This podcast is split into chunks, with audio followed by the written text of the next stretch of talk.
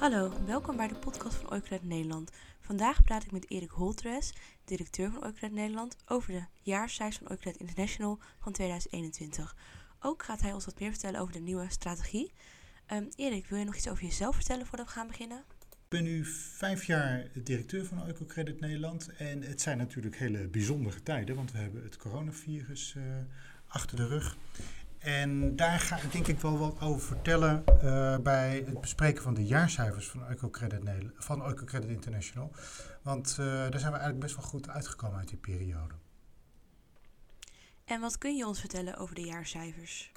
Ja, dus wat we zagen is uh, het coronavirus is in 2020 begonnen. Um, en dat is natuurlijk een wereldwijde pandemie. Hè? Dus over heel de wereld hebben we daarmee te maken gehad. En hebben we eigenlijk er nog steeds mee te maken. Uh, dus dat heeft echt wel het werk van Ecocredit International beïnvloed. En dat zagen we terug in de jaarcijfers van 2020. Dus Ecocredit International heeft er echt voor gekozen. We focussen op de bestaande partners die we financieren. Dat zijn er ongeveer 600 over de hele wereld in Latijns-Amerika, Afrika en Azië. We gaan geen nieuwe financiering verstrekken, maar we focussen echt op die bestaande partners, zodat die zo goed mogelijk uit de coronapandemie komen. Nou, dat was in 2020. Dan zie je dat er geen nieuwe financiering is verstrekt, of nauwelijks eigenlijk. En bestaande partners hebben afgelost. Er zijn ook betalingsafspraken geweest met bestaande partnerorganisaties, zodat ze even geen rente en aflossing hoefden te betalen. En dat heeft zich eigenlijk verder uitbetaald in 2021. Dus in 2021, zeker aan het begin van 2021, zaten we over de hele wereld met z'n allen nog echt midden in de, het coronavirus. En zo aan het einde van het jaar uh, werd dat langzamerhand minder. Dus in het begin van 2021 is nog heel erg de focus gelegd op het zo goed mogelijk bijstaan en faciliteren van de bestaande partnerorganisaties. En op het einde van 2021 uh, zijn er nieuwe leningen verstrekt, nieuwe financieringen verstrekt. Um, en zie je ook weer dat, dat heet dan de portefeuille ontwikkelingsfinanciering. Hè, dus dat is het totaal aantal aan leningen en eigen vermogen wat Credit International verstrekt, dat dat weer uh, stijgt. En op het einde van het jaar, en we zijn nu alweer een stukje verder, is het eigenlijk wel weer zo ongeveer op het oude niveau van 2019. Dus van, op het niveau van voor de uh, coronapandemie. Ik wil toch nog even terug naar de beginperiode van de coronapandemie. Want je vertelde ons dat het effect had op het werk van Oicocredit. Maar in hoeverre had het effect en uh, wat moet ik me daar precies bij voorstellen? Ja, op allerlei wijzen. Dus uh, wat ik net zei, hè, we, uh, we, hebben er toen voor gekozen om geen nieuwe financiering te verstrekken, maar zoveel mogelijk uh, de bestaande partnerorganisaties te faciliteren. De mensen van Credit International, en dat geldt zowel voor de mensen in Amersfoort als de mensen die werken in de, in de lokale kantoren in Latijns-Amerika, Afrika en Azië, werkten ook zoveel mogelijk thuis. Dat betekent dat we heel veel zaken online deden. Wat we ook deden is dat we partnerorganisaties met elkaar in contact uh, brachten. Van hoe doen jullie dat nou tijdens de pandemie? Hoe lossen jullie dingen op? Uh, ze hebben ook met elkaar geprobeerd om kennis uit te wisselen. De trainingen, dat heet, dat heet capacity building, die we uh, verzorgen vanuit Eukocredit, deden we ook zoveel mogelijk online. En we hebben in 2020 ook het uh, Corona Solidariteitsfonds opgericht, zodat we bijvoorbeeld bestaande partnerorganisaties konden voorzien van mondmaskers, van desinfecterende gel om je handen te wassen, zodat zij die ook weer konden distribueren aan bijvoorbeeld microkredietondernemers. He, dus eigenlijk op allerlei vlakken had het impact op het werk van Eukocredit. Heel mooi alle initiatieven die Eukocredit heeft genomen tijdens de coronapandemie. Maar uh, heb je misschien ook nog een voorbeeld van een microkredietondernemer, hoe die bijvoorbeeld geraakt werd door de pandemie? Ja, dus die microkredietondernemers, dat, ja, dat zijn eigenlijk gewoon kleine ondernemers. Die, die hadden eigenlijk dezelfde dingen uh, die wij merkten in Nederland. Dus sommige landen hadden ook een strenge lockdown, andere waren weer wat relaxter, maar merkten ook dat, uh, dat mensen uh, meer thuis moesten blijven. Het is wel zo denk ik met microkredietondernemers, is dat die in vrij laten we zeggen, basale industrieën zitten. Hè. Dus dat zijn kleine winkeltjes, dat zijn kleine boeren, dat is een, een naaiatelier, dat is een, een atelier voor houtsnijwerk. Hè. Dus het zijn allemaal kleine lokale businesses. Dus in die zin denk ik dat die allemaal uh, misschien toch wel iets minder uh, de impact hebben ervaren van het coronavirus als je het vergelijkt bijvoorbeeld met de horeca hè, of met, met de, de reisindustrie. Hè. Dus dat zijn, ik denk dat die dat minder hebben meegemaakt. Maar we hebben natuurlijk met z'n allen, het is echt een wereldwijde pandemie, dus we hebben met z'n allen, hebben we dat gewoon meegemaakt. In, in meer of mindere mate. Hè, tot aan, en dat, dat zie je soms ook op foto's uh, die we hebben van microkredietondernemers, dat ze allemaal verplicht waren om een mondmasker te dragen. In sommige landen.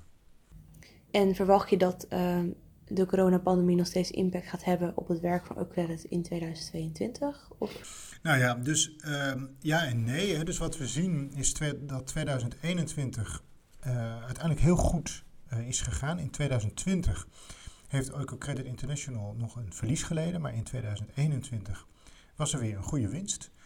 Uh, we zijn eigenlijk heel goed uit de coronapandemie gekomen. dat betekent onder andere dat er nauwelijks partnerorganisaties zijn omgevallen. Dus ook als je kijkt, dat heet dan de portfolio at risk. Dat is dat zijn die partnerorganisaties die een betalingsachterstand hebben. Dat is eigenlijk weer op het oude niveau van 2019. Dus eigenlijk komen daar, zijn we daar heel goed uitgekomen.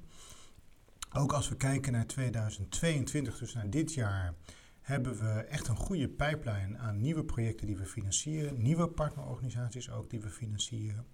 Um, dus daar komen we goed uit. Maar wat natuurlijk wel is met het coronavirus, en dat, dat geldt hier en dat geldt in de landen waar Eukocredit uh, actief is, is dat we constant alert moeten zijn. Er zijn natuurlijk steeds mutaties ook van het virus.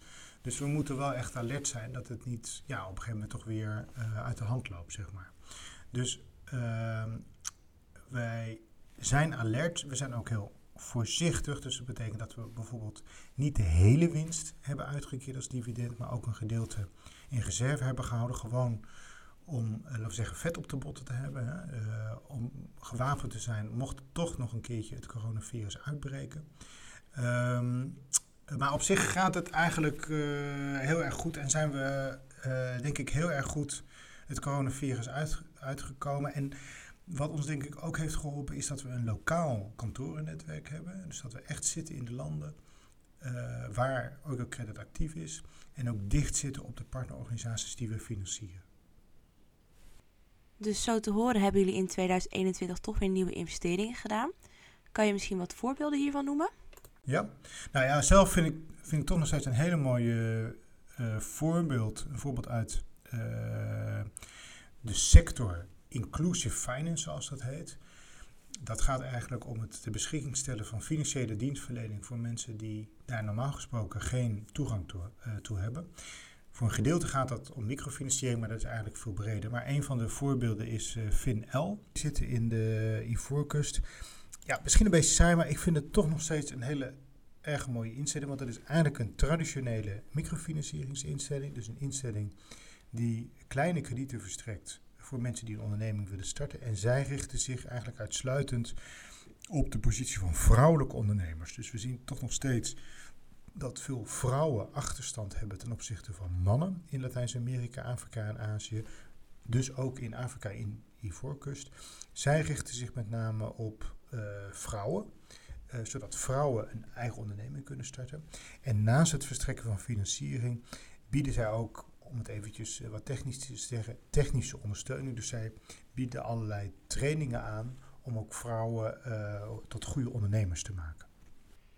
Ja, dat klinkt echt als een heel mooi voorbeeld natuurlijk. Ook heel belangrijk dat vrouwen daar de kans krijgen om een eigen onderneming op te starten. Heb je toevallig nog een voorbeeld van 2021? Ander mooi voorbeeld vind ik een voorbeeld ook in Afrika, in Congo. Daar hebben we Spark gefinancierd. Uh, Spark die uh, levert uh, zonnepanelen. Als Ecocredit duurzame energieprojecten financiert, is het eigenlijk niet omwille van de duurzame energie. Dus eigenlijk als we duurzame energieprojecten financieren, gaat het om projecten die duurzaam zijn, maar primair een sociale doelstelling hebben. En dat is ook bij Spark. Zij leveren zonnepanelen op huizen, met name op het platteland, dus eigenlijk in die gebieden die niet zijn aangesloten op het elektriciteitsnetwerk, zodat mensen op het platteland die geen toegang hebben tot energie, middels die zonnepanelen wel toegang hebben tot energie. En dat is heel erg belangrijk voor de leefbaarheid van het platteland. Dus mensen kunnen hun mobiele telefoon opladen. Mensen kunnen s'avonds, de winkeltjes kunnen s'avonds open zijn. En kinderen kunnen s'avonds hun huiswerk maken omdat er gewoon elektriciteit is. Dus, dus heel veel mensen, we staan er nauwelijks bij stil, maar heel veel mensen hebben gewoon geen toegang uh, tot elektriciteit. Zijn niet aangesloten op het uh, elektriciteitsnetwerk. en Spark levert dus zonnepanelen op huis op het platteland. En daardoor hebben 500.000 huishoudens gewoon toegang tot elektriciteit. En dat is nou echt super belangrijk. Ja, wij kunnen ons natuurlijk helemaal niet voorstellen onze telefoon niet kunnen opladen, geen televisie kunnen kijken. Toch heb ik nog even een vraag over het stukje duurzaamheid. Want je zegt dat het niet de hoogste prioriteit heeft, maar dat jullie vooral in duurzame projecten investeren, zodat mensen dan toegang krijgen tot elektriciteit. Maar duurzaamheid is ook wel belangrijk voor Eucredit. Want het is toch niet dat jullie in vervuilendere nee, zeker niet. zouden investeren, zodat die mensen ook elektriciteit hebben? Of... Nee, zeker niet. Dus het, uh, kijk, het, dat we zeggen, het gaat eigenlijk om uh, waarom doen we het? We doen het primair om, uh, vanwege de sociale impact. daarom doen we duurzame energieprojecten. Dus we doen niet duurzame energieprojecten omwille van de duurzame energieprojecten. We doen duurzame energieprojecten vanwege de sociale impact. Maar natuurlijk kijken we bij onze financiering, en dat geldt voor energie, maar dat geldt bijvoorbeeld ook voor de landbouwsector, wat de impact is op het milieu. Ja, oké, dat is duidelijk. Um, we hebben net even gesproken over de resultaten van 2021, maar ondertussen zitten we natuurlijk in 2022. Dus uh, kan je misschien wat meer vertellen over de plannen van Oakland International? Want die hebben natuurlijk een nieuwe strategie geïntroduceerd. Dus kan je ons daar iets meer over vertellen, Erik? Ja, in die nieuwe strategie, kijk, er zijn, uh, Credit is 46 jaar geleden opgericht. Uh, waren toen eigenlijk een van de eerste die zich richten op, met name op het verstrekken dus van uh, microfinanciering, dus kleine leningen in Latijns-Amerika, Afrika en Azië. Ondertussen zijn er veel meer van dit soort partijen gekomen. En we hebben heel erg gekeken van wat is nou onze rol? Hoe kunnen we van toegevoegde waarde zijn? Hoe kunnen we ook ons onderscheiden van anderen die het doen?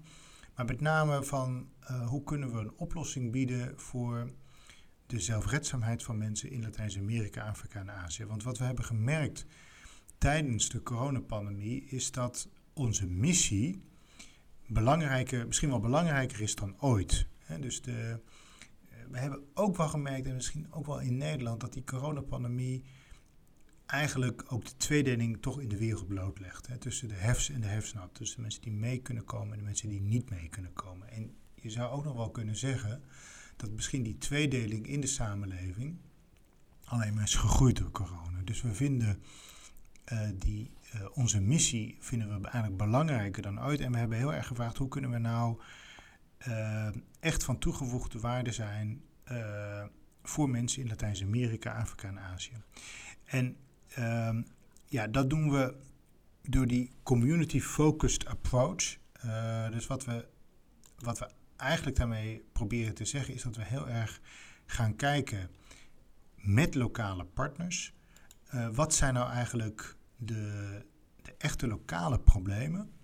Dat doen we met lokale partnerorganisaties. Hè. Dus niet dat wij vanuit Nederland uh, zeggen van nou, dit is er voor jullie nodig. Maar dat we echt, en dat, we hebben daar ook een kantoornetwerk voor in Latijns-Amerika, Afrika en Azië. Maar dat we echt in de haarvaten van de samenleving daar gaan staan. Echt gaan kijken met lokale partnerorganisaties. En eventueel ook met andere organisaties waarmee wij samenwerken. Kijken van wat zijn nou hier de noden en hoe kunnen we daar nou een oplossing voor bieden. En dat, uh, die oplossingen die kan er zijn uh, op, laten we zeggen, op drie manieren. Dat kan zijn doordat we financiering aanbieden, hè, dus leningen, of doordat we aandeelhouder zijn van organisaties die een oplossing bieden.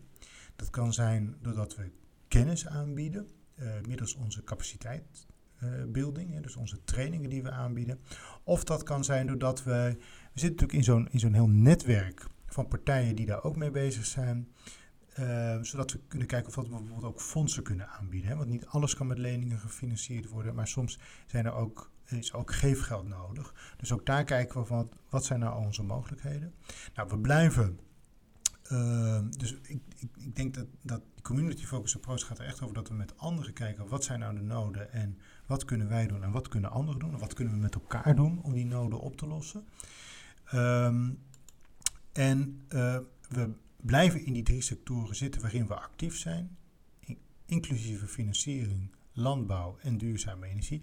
En daarbinnen hebben we een focus op gezondheid, onderwijs, water en huisvesting. Het is ook een beetje gekoppeld aan de doelen van de Verenigde Naties. Dus dat zijn die 17 duurzame doelen van de Verenigde Naties. Ook die leggen heel erg de focus op gezondheid, onderwijs, water en huisvesting. Nou, daar, uh, daar voelen we dat we daar een rol kunnen spelen. En dat zijn ook vaak de noden uh, in de landen waarin wij werken.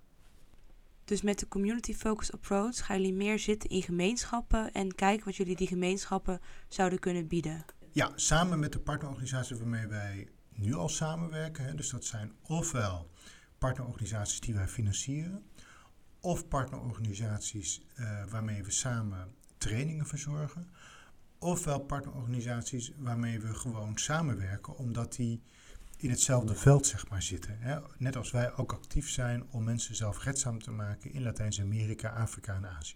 Oké, ik ben uh, heel erg benieuwd hoe deze strategie gaat uitpakken het Zeker. komende jaar en de komende jaren. Ja, ik ook. Want uh, dit is een strategie voor 2022, 2026. Ja. Dus ik neem aan dat we daar een en ander van gaan zien de ja, komende periode. Zeker, zeker.